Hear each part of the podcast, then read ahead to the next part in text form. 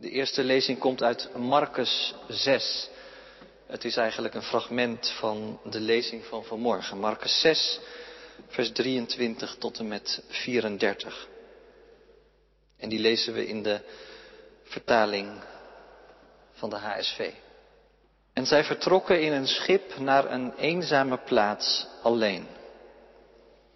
En de menigten zagen hen weggaan en velen herkenden hem en gingen uit alle steden gezamenlijk te voet daar naartoe. En zij kwamen er voor hem aan en gingen samen naar hem toe.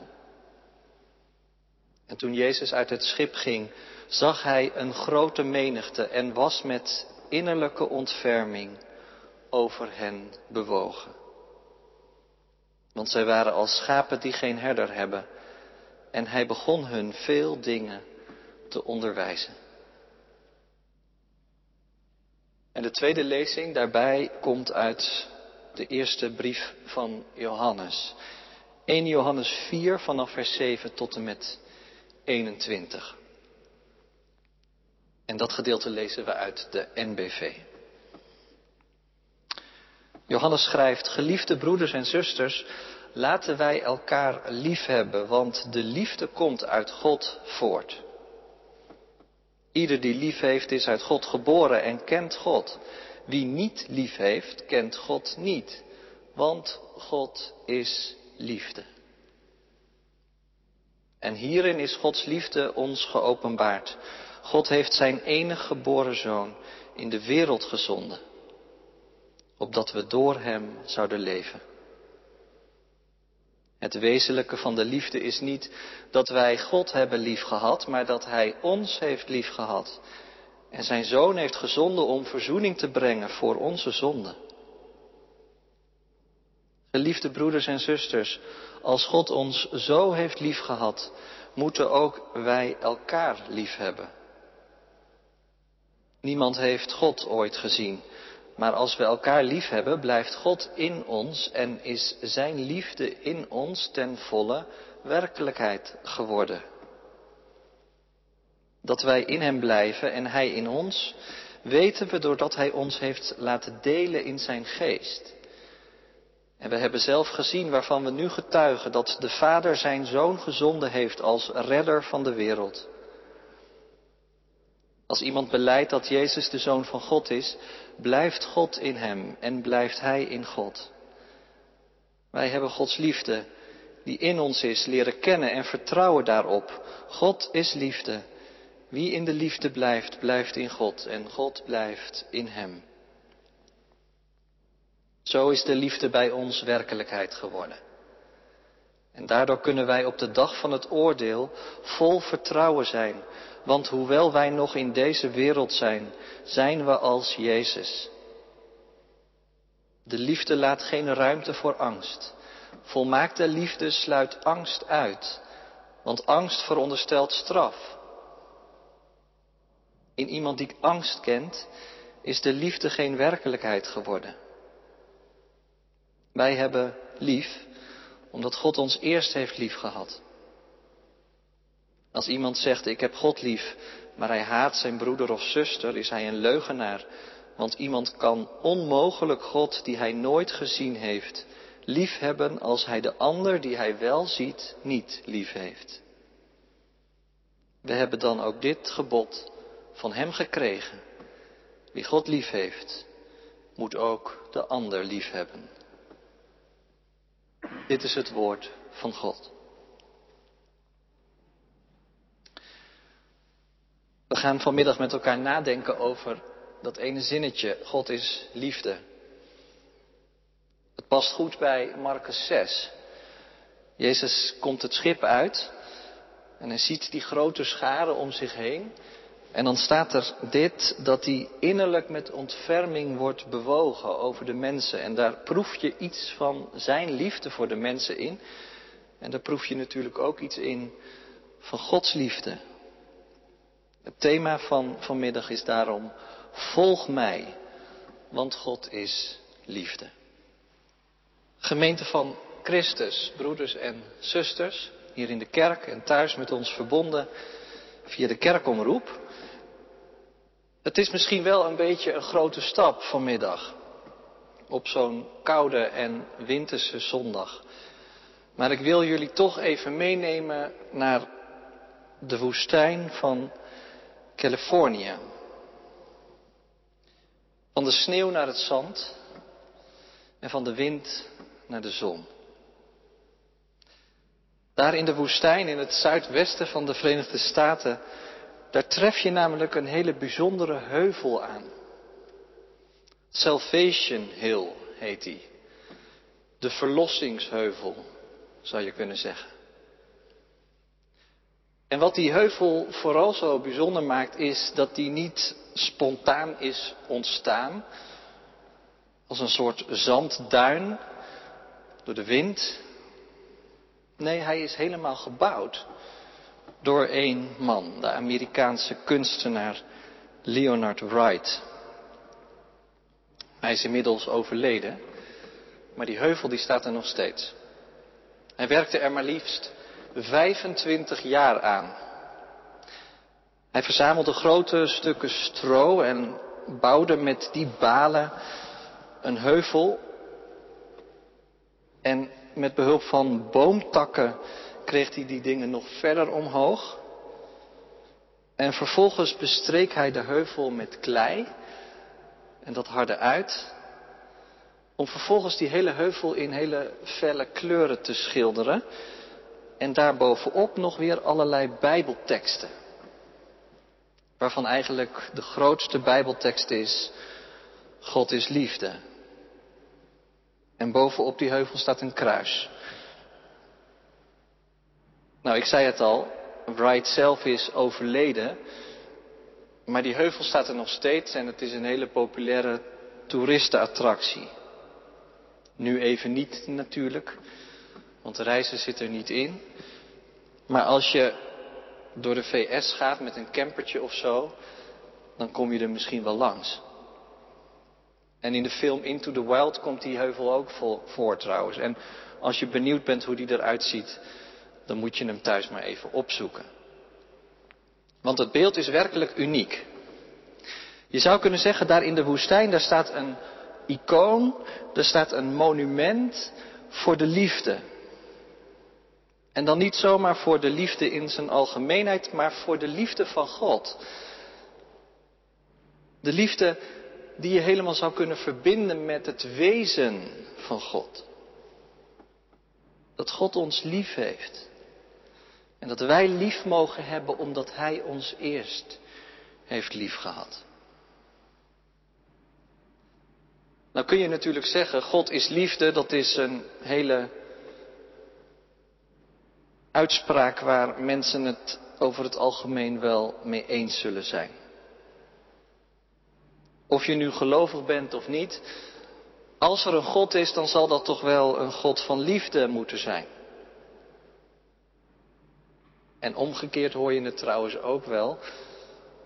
Als God liefde is, waarom is er dan zoveel ellende in de wereld en zoveel onrecht? Waarom grijpt Hij dan niet in? Hij zal dus wel geen liefde zijn, maar als er een God is, dan zal dat toch een God van liefde moeten zijn, dus er is geen God. Nou ja, die redenering, die vooronderstelling dat God liefde is, die is dus wel diep geworteld in onze cultuur. En ik denk ook in onze manier van spreken over God. En laat ik maar gelijk vooropstellen, dat lijkt me ook wel goed, want de Bijbel geeft er alle aanleiding toe. Kijk alleen maar naar die twee gedeeltes die we vanmiddag gelezen hebben. Dat stukje uit Marcus, dat iets laat zien van wie Jezus was. En dat stuk uit de brief van Johannes, wat nog weer wat dieper ingaat op die thematiek. God is liefde inderdaad en wij mogen in diezelfde liefde wandelen. Maar dat gezegd hebbend is het wel belangrijk om nog eens goed na te denken wat dat dan betekent. Want juist als iets heel vanzelfsprekend is geworden, kan het ook sleets worden. Wat zeggen we eigenlijk als we zeggen dat God liefde is? En wat zeggen we terug als iemand het voor onze voeten gooit? die God van jullie was toch liefde? Nou, om eerlijk te zijn, daar merk ik eigenlijk maar heel weinig van. Nou, daarvoor gaan we vanmiddag eerst heel even te raden bij Johannes. Het mag duidelijk zijn dat de liefde van God voor hem echt een kernconcept is. Dat zie je eigenlijk al in zijn evangelie. Als je dat vergelijkt met de andere evangeliën, dan, dan werkt hij heel vaak de liefde uit. Bijvoorbeeld op Golgotha en rondom Golgotha. Als Jezus sterft. En hij Johannes en de moeder van Jezus aan elkaar verbindt in een nieuwe relatie van moeder en zoon. Of als hij beschrijft hoe Jozef van Arimathea met liefde het lichaam van Jezus van het kruis neemt en het begraaft. Maar in de brief, daar werkt hij dat dan nog op een meer concrete manier uit. Je zou ook kunnen zeggen, hij werkt het uit op een complexe manier. Dat stukje wat we gelezen hebben, dat laat zich ook niet zomaar snappen op een zondagmiddag. Maar wat wel meteen opvalt als je het leest, dan is het dit. Dat dat basisidee dat God liefde is, inderdaad echt de grond is van alles wat hij schrijft in dat stuk. Dat idee dat moet wel aan de basis liggen van het christelijk geloof. Dat kan niet anders. Want alleen een God die liefde is, kiest ervoor zijn zoon naar de wereld te zenden om ervoor te zorgen dat wij mensen kunnen leven en lief kunnen hebben. Alleen een God die liefde is, kiest ervoor om de schuld als gevolg van de zonde te verzoenen. Alleen als God inderdaad liefde is, is er geen reden om niet bang te zijn, omdat de volmaakte liefde inderdaad de vrees uitdrijft. En alleen als God inderdaad liefde is, heeft het zin om elkaar lief te hebben. Om op die manier de liefde van die God tot haar bestemming te brengen. Nou, daar werkt Johannes eigenlijk naartoe in zijn brief. En dan is één ding heel belangrijk. En dat is dat Johannes in zijn brief voor het woord liefde een hele specifieke vorm van liefde bedoelt. Dat zie je aan het woord dat hij gebruikt in het Grieks. Hij heeft het over agape liefde. Wat dat betekent, dat weet je misschien wel. Het werd bijvoorbeeld heel mooi uitgelegd door C.S. Lewis in het boek De Vier Liefdes. Lewis maakt inderdaad onderscheid tussen die vier vormen van liefde. Het zijn eigenlijk een soort trappen, zou je kunnen zeggen. In de eerste plaats heeft hij het over genegenheid. De liefde die je kunt voelen voor iemand die je sympathiek vindt. Of met wie je een hobby deelt. Of een bepaalde voorliefde voor kunst of muziek. In de tweede plaats noemt hij de vriendschap. Dat gaat al iets dieper. Dat gaat daar al iets bovenuit.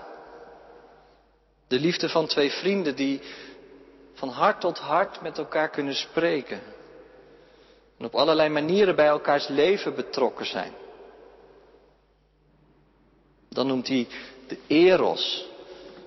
De liefde die ook een lichamelijk aspect in zich draagt. En tenslotte heeft hij het over de agape. Dat is de vierde liefde die eigenlijk alles overstijgt. Je zou het ook de caritas kunnen noemen. En het is precies dat woord dat Johannes ook steeds gebruikt. En wat is nou de agape-liefde? Nou, in de basis is het dit. Dat is liefde die niet gericht is op jezelf of op iemand met wie je bevriend bent. Maar dat is eigenlijk liefde die gericht is op een ander. Op de vreemde. Op iemand die je helemaal niet kent. Of misschien zelfs wel op iemand die jou vijandig gezind is. De agape-liefde is eigenlijk opofferende liefde. Je moet er misschien wel iets van jezelf voor opgeven. Kijk, en als je in het evangelie leest dat Jezus met innerlijke ontferming bewogen is over iemand, dan lees je volgens mij ook daar die liefde in. Dominee Vermeulen zei het vanochtend al in de preek. Die innerlijke ontferming, die hoort nu helemaal bij Jezus. Jezus ziet de scharen zo aan. Maar elders lees je ook die man met de verdorde hand. Jezus ziet de moeder van de jongeling van Nain die overleden is zo aan. Maar ook twee blinden langs de weg naar Jericho. En het is trouwens dezelfde uitdrukking die je ook tegenkomt in de gelijkenis van de verloren zoon. Als de vader op de uitkijk staat en in de verte zijn zoon ziet komen, dan wordt hij met innerlijke ontferming over hem bewogen. En wil hij niets liever dan hem in zijn armen sluiten. Waarom? Omdat dat blijkbaar helemaal bij God hoort. Bij de Vader. Het lijkt wel een refrein in het evangelie. Dat Jezus met innerlijke ontferming over de mensen bewogen is. En weet je, zo ziet Hij nu ook vanmiddag ons aan. Jou en mij. Zoals we hier rondom Hem heen staan. Of zoals we thuis meeluisteren. En in die blik van Jezus, met die innerlijke ontferming, wordt Gods liefde als het ware in ons midden neergelegd. En moet je kijken wat Jezus gaat doen. Als hij de mensen om zich heen ziet en met innerlijke ontferming over hem bewogen raakt, dan gaat hij hen onderwijs geven. Wat voor onderwijs? Nou, ik denk dit.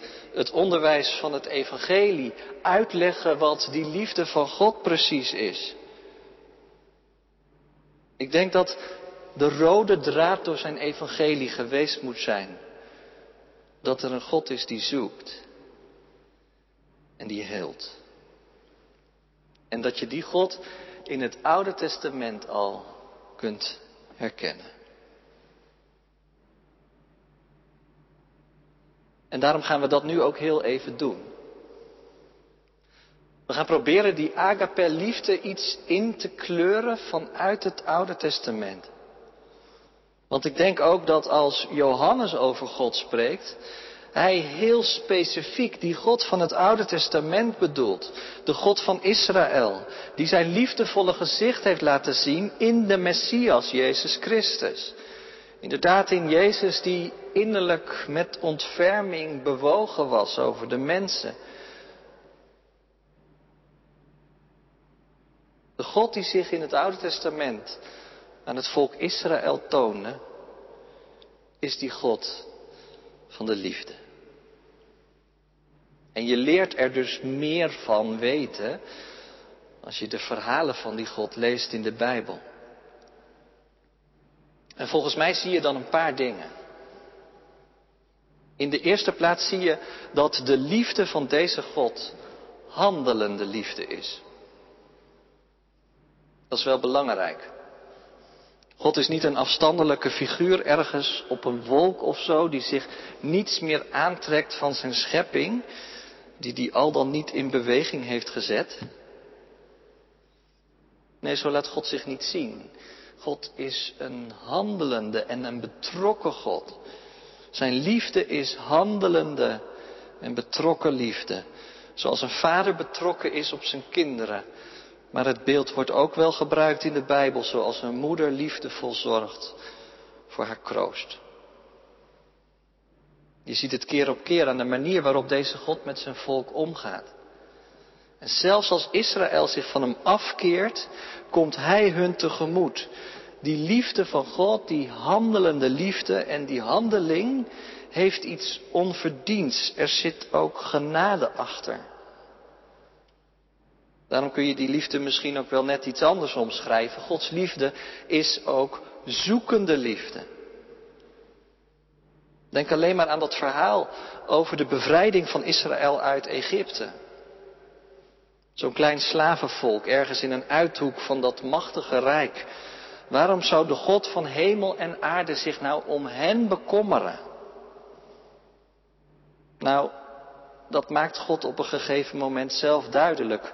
Want als hij het volk uitgeleid heeft en als het volk door de woestijn gaat, dan spreekt Mozes dat volk namens God op een gegeven moment toe. En in zijn toespraak maakt hij nog maar eens duidelijk dat de liefde van God handelende liefde is en zoekende liefde. Wat is nu precies de reden dat God dit volk had gekozen? En waarom niet een groter of een machtiger volk, zo staat er letterlijk. Nou, de reden is volgens Mozes heel eenvoudig, omdat God nu juist dit volk lief had. En omdat God ooit had beloofd dat hij voor dit volk zorgen zou. En dat God dus blijkbaar woord houdt. Hij had Abraham geroepen en gekozen. En nu heeft hij het volk bevrijd uit Egypte.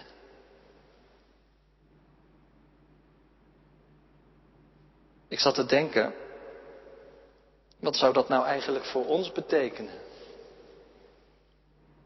Zou het kunnen dat God ook ons gekozen heeft om ons lief te hebben? Zouden wij werkelijk genade als startpunt van ons leven kunnen hebben? We zijn hier vanmiddag in de kerk en als je thuis meeluistert, dan voel je je misschien wel verbonden met deze plek. En met de gemeente die hier samenkomt. Een plaats die helemaal gewijd is aan Gods omgang met mensen, aan Gods handelende liefde. Een plek waar eeuwenlang mensen zich geliefd geweten hebben. Uitgekozen door God. Onvoorwaardelijk. Zouden wij het ook nog durven? Om ons onvoorwaardelijk aan die God over te geven en ons door die genade te laten dragen.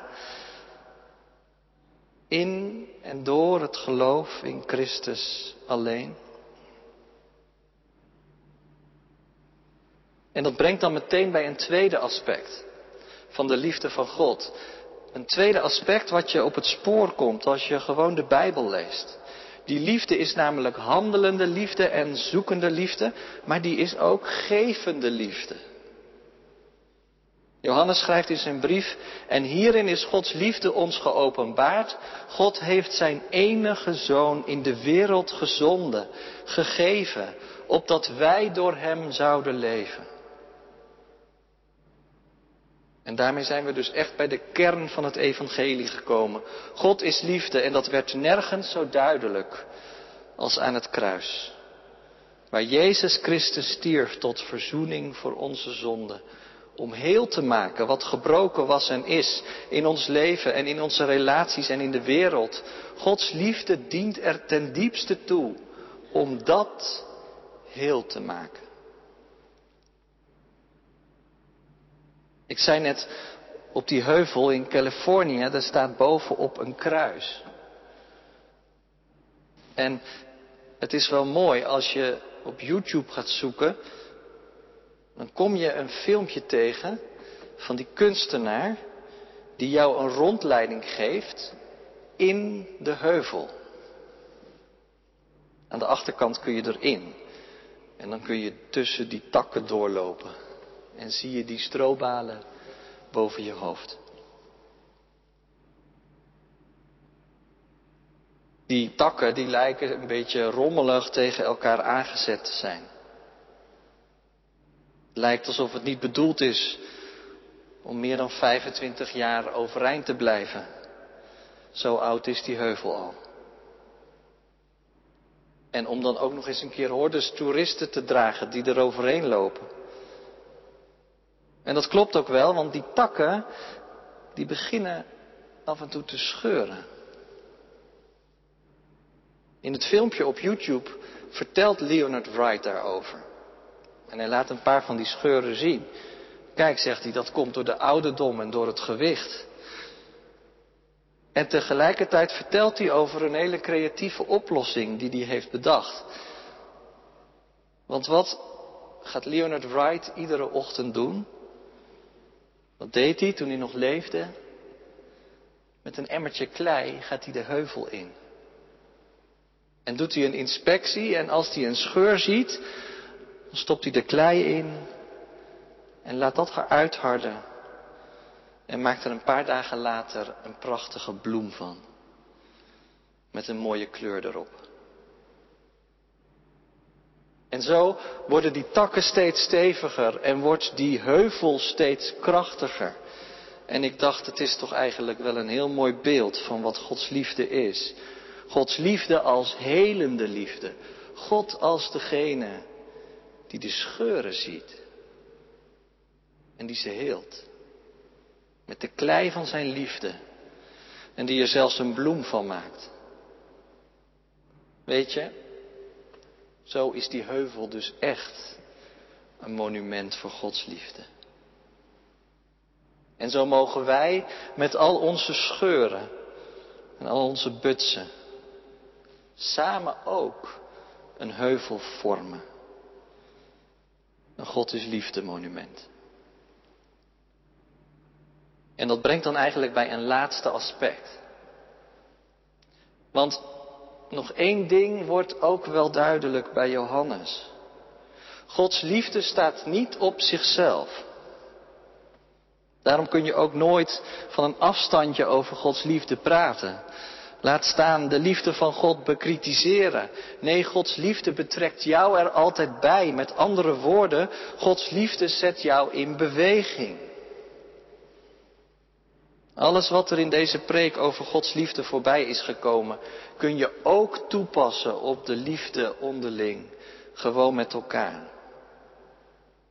Johannes legt eigenlijk voortdurend die verbinding tussen de agape van God en de agape in de christelijke gemeente. En juist hier, juist onder ons, waar we samen dat lichaam van Hem vormen, of zo je wilt, die heuvel vormen, krijgt het God is liefde gestalte in de praktijk. Johannes zet het best op scherp. Wie niet lief heeft, wie niet in de liefde woont, die kan ook God niet kennen. Want God is liefde. Ik hoop dat je ook iets van die innerlijke ontferming herkent. Als je naar andere mensen kijkt. Dat mensen Gods liefde nodig hebben. En dat je dat voelt. Dat je voor ze gaat bidden. Zo zijn we vanmiddag hier. En zo gaan we straks van hier. Of klappen we thuis onze laptop dicht of halen de oortjes uit onze oren. En krijgen we deze oproep mee. Laat je in beweging zetten door Gods liefde. Omdat je het er zelf van moet hebben. Want wie van ons kan zonder Gods genade leven? Maar ook omdat we juist daarom anderen die genade en die liefde niet kunnen onthouden. Ik zou zeggen, bouw je eigen God is liefde monument. Natuurlijk, die Leonard Wright is een beetje een excentriekeling. En we hoeven echt niet allemaal een artificiële heuvel in de woestijn te gaan bouwen. Om iets van Gods liefde te laten zien aan de mensen om ons heen. Maar ik geloof dit wel, dat wie door God gevonden is, zomaar van die heuvels in zijn bestaan ziet ontstaan. Alsof ze door de wind van de geest opgewaaid worden. Een getuigenis. Midden in de winter en midden in de lockdown. Van een God die zoekt en die heelt en die in beweging zet omdat Hij liefde is. Onvoorwaardelijk.